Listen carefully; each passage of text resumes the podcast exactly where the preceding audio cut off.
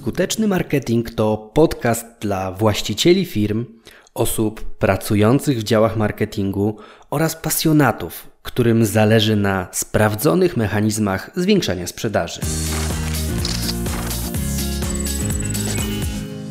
Od czego zacząć planowanie marketingu nie tylko w małej firmie i nie tylko z małym budżetem? Często jest tak, że ludzie prowadzą swoje biznesy, zatrudniają nowych ludzi, chcą pozyskać nowych klientów, albo chociaż zapytania, ale tak naprawdę nie wiedzą, za co się zabrać, jak ten rozwój swojej firmy zintensyfikować. Jest takie nawet popularne sformułowanie jak skalowanie biznesu. Nie do końca go lubię, bo coś, czego nie bierze się pod uwagę, to fakt, że skalowanie wcale nie jest takie proste, jak się zgoła zaczęło uważać. Bo albo pozyskanie większej liczby zapytań powoduje jednostkowy wzrost ceny takiego jednego zapytania, no bo trzeba sięgnąć szerzej i często trafiać trafia się szerzej kierując reklamę do mniej zdecydowanych klientów. No i to jest droższe pozyskanie takiego klienta, na przykład w reklamach na Facebooku, albo też na lokalnym rynku brakuje pracowników do realizacji tych wszystkich nowo sprzedanych zleceń. Nawet to samo tyczy się oprogramowania, które na przykład traci swoją wydajność, gdy więcej osób korzysta z danej aplikacji, z danego rozwiązania. Kilka razy to przerabiałem, że był po prostu tak duży ruch wysłany w jedno miejsce, że no, to nie wytrzymywało ta infrastruktura. Te rzeczy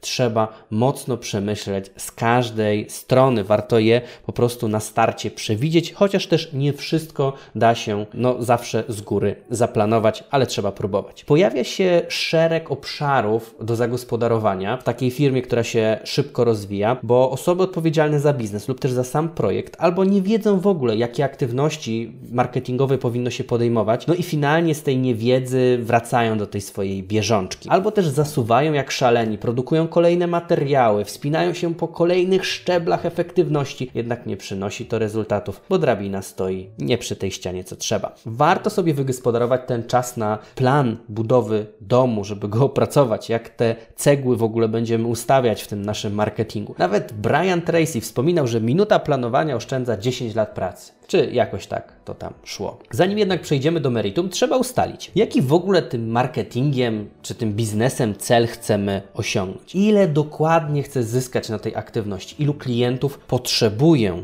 albo ile procent wzrostu jest wymagane, ile paragonów, faktur muszę wykonać, aby to miało ręce i nogi. Ustal, co będziesz robić i jak to będziesz mierzyć. Duży cel zamień na małe składowe. To jest super ważne, bo często jest taki ogólny cel w stylu więcej klientów. No i co? Jednego więcej, jak to będziemy robić, co chcemy osiągnąć i czym to będziemy mierzyć. Drugi punkt tutaj jest, nie ma nic gorszego niż ambitna strategia, która jest oderwana od rzeczywistości. Często widzę plany dla firm, które nie uwzględniają ich kompetencji, zasobów czasowych oraz budżetowych. No i cała sztuka polega na tym, aby zapisać stan gry, sprawdzić, gdzie jesteśmy dzisiaj i ocenić, gdzie chcemy być. Tutaj już był cel. No i do tego trzeba zaplanować trasę pomiędzy tymi dwoma punktami, czyli no sprawdzić, ile pewne rzeczy będą będą wymagały czasu, ile pieniędzy będą wymagały, jaki budżet marketingowy trzeba zapłacić, no na przykład za zewnętrzne aplikacje albo za wykonawców. Ewentualnie warto też przeanalizować, ile mamy roboczo godzin do zagospodarowania w swojej firmie,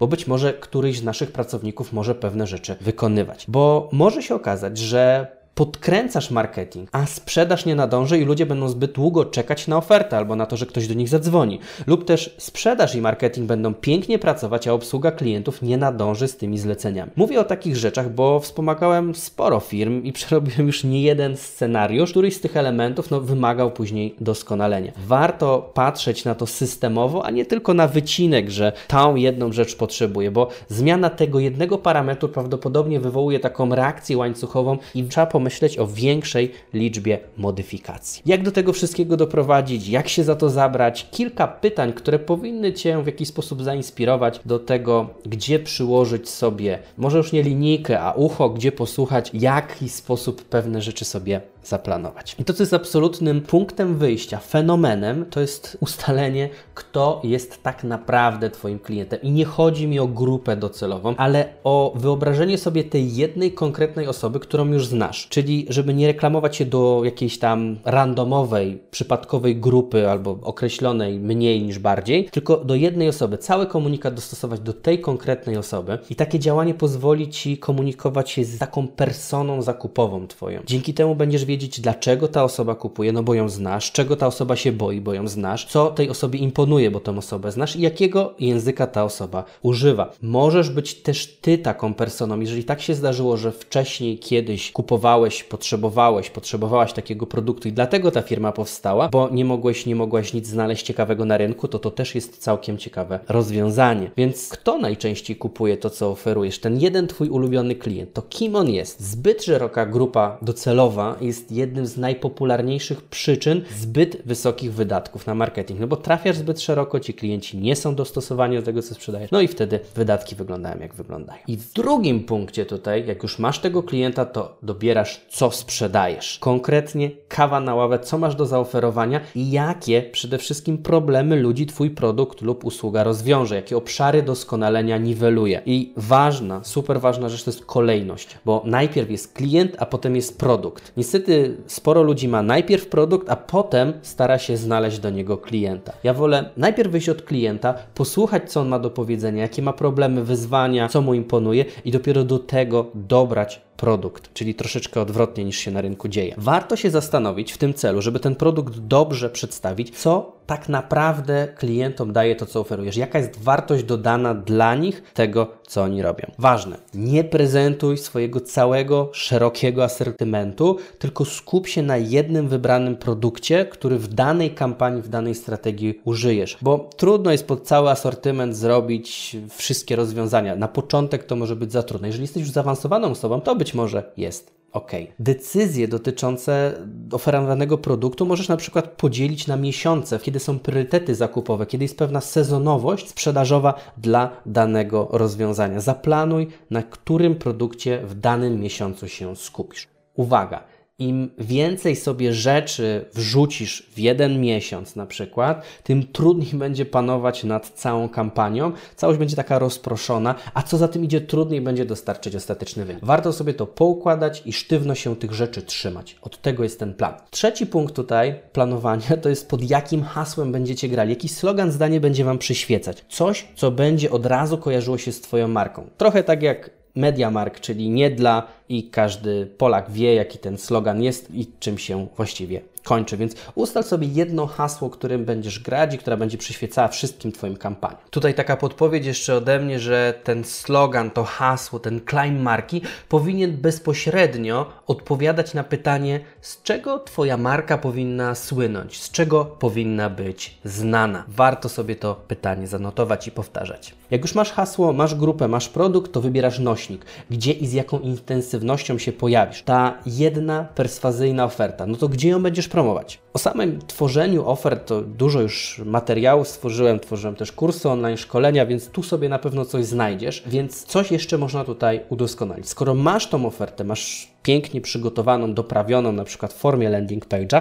to może warto pomyśleć, że trzeba tam dodać pop-up i taki banerek na stronę, który skieruje ruch z Twojej głównej strony na tego landing page'a. Może potrzebujesz wziąć, od razu zbierać dane od osób, które będą z tej strony chciały wyjść z jakiegoś powodu i tutaj to jest taki exit pop-up, który się pojawia w momencie, kiedy wychodzimy ze strony. To jest na przykład narzędzie privy.com. Ok, jak masz privy i tam zbierasz sobie te maile od osób, które prawie miały uciec ze strony, ale jednak gdzieś tam stopą w drzwi złapałeś ich adres, to trzeba mieć bazę mailową do tychże klientów. Ja tutaj korzystam z dwóch takich systemów do wysyłki. Jest to GetResponse oraz MailerLite. Tam zbierają się wszystkie maile z różnych miejsc, spływają sobie do takiego jednego zbiornika i później mogę tam wysłać wiadomość. Jeżeli jeszcze nie wysyłam do Ciebie wiadomości mailowych, to wejdź sobie na wojciechbizup.pl i tam jest taka belka do pobrania PDF z najczęściej popełnianymi błędami marketingowymi i zresztą zobaczysz sobie pobieranie pobierając ten materiał, jak to wszystko działa. Mam nadzieję, że zobaczymy się po stronie Twojego klienta poczty. Maile to jedno, SMS-y to drugie. Tutaj z pomocą przychodzi system serwer SMS, gdzie możesz przez niego wysłać SMS. Oczywiście pamiętaj o wszystkich zgodach RODO.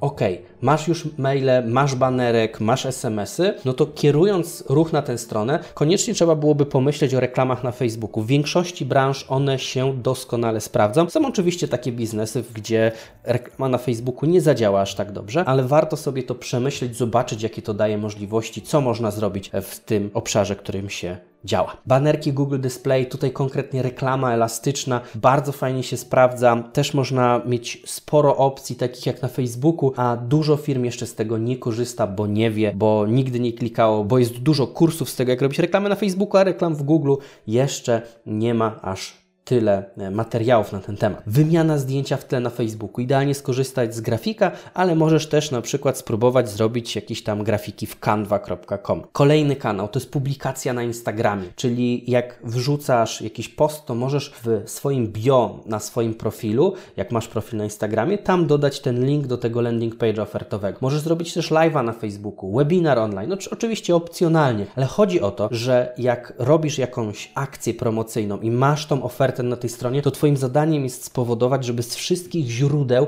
ludzie trafili właśnie na tę podstronę. Oczywiście pod warunkiem, że spełniają kryterium Twojego idealnego klienta. Warto również zadzwonić, zatelefonować, opowiedzieć przez telefon tę ofertę, którą Ty masz na tej stronie lądowania, powiedzieć klientowi, że coś takiego jest. Jeżeli klient się zgodzi, to świetnie, transakcja dopięta. Jeżeli padnie negatywna odpowiedź, to zawsze możesz poprosić o poradę. Co mógłbyś w tej ofercie poprawić? Czego zabrakło? Co jest nie tak? I to jest też dla Ciebie feedback i od razu możesz na tej stronie internetowej pewne rzeczy sobie dopracować. Szkoda naprawdę czasu na tworzenie fajnej promocji i reklamowanie jej, promowanie jej tylko w jednym kanale. Wykorzystaj wszystkie możliwości, które masz, aby zmaksymalizować siłę sprzedażową i to, że po prostu faktycznie uda Ci się osiągnąć fajny efekt. Jak ja robię jakąś promocję, to używam wszystkich narzędzi, jakie mam, właśnie po to, żeby osiągać fajne wyniki, które mnie satysfakcjonują. Dobra, e, punkt piąty to jest ustalić, jak będziesz sprzedawać, jaki model sprzedaży przyjmiesz. Ten etap wprowadza Cię na wyższy poziom wtajemniczenia w marketingu. Decyzja o tym, w jaki sposób będziesz prowadzić sprzedaż, skąd do finalnej transakcji będą przychodzić ludzie, z pozoru może się wydawać prosta,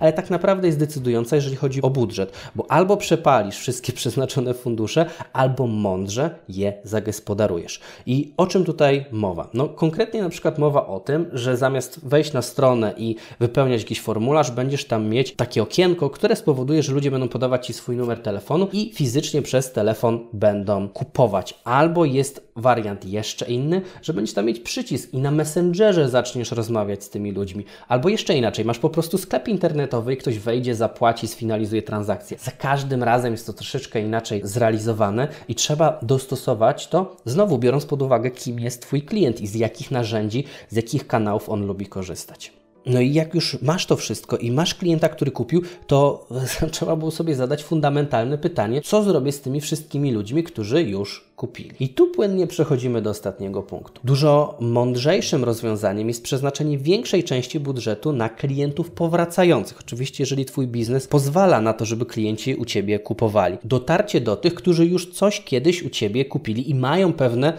zakładam, dobre doświadczenie. Co możesz im zaproponować? Do sprzedaż innego produktu, albo wystarczy, że przypomnisz im o swoim istnieniu, poprosisz o opinię lub wystawią ci rekomendacje. I to właśnie jest taki system, gdzie masz klienta, masz produkt, masz pewne przesłanie, z którym idziesz, masz stworzoną ofertę w jednym miejscu, kierujesz tam ruch z wszystkich możliwych kanałów, masz system sprzedaży. Jak już ludzie kupią, to coś z tymi ludźmi w jakimś stopniu robisz tak, żeby oni albo kupowali, albo cię rekomendowali, albo wystawiali rekomendacje. Aby firma grała jak dobrze dyrygowana orkiestra, to wszyscy pracownicy muszą mieć te same nuty, czyli muszą znać Twój plan działania. Muszą też mieć dobrze nastrojone instrumenty, żeby mogli stać się częścią tego strategicznego planu oraz potrzebują wprawnego dyrygenta, czyli Ciebie albo osoby, którą zatrudniasz na stanowisku dyrektora marketingu. No i oczywiście pewnie cały ten zespół, jeżeli nie działał w takim takim formacie, to nie od razu otworzą się przed nim drzwi do Carnegie Hall,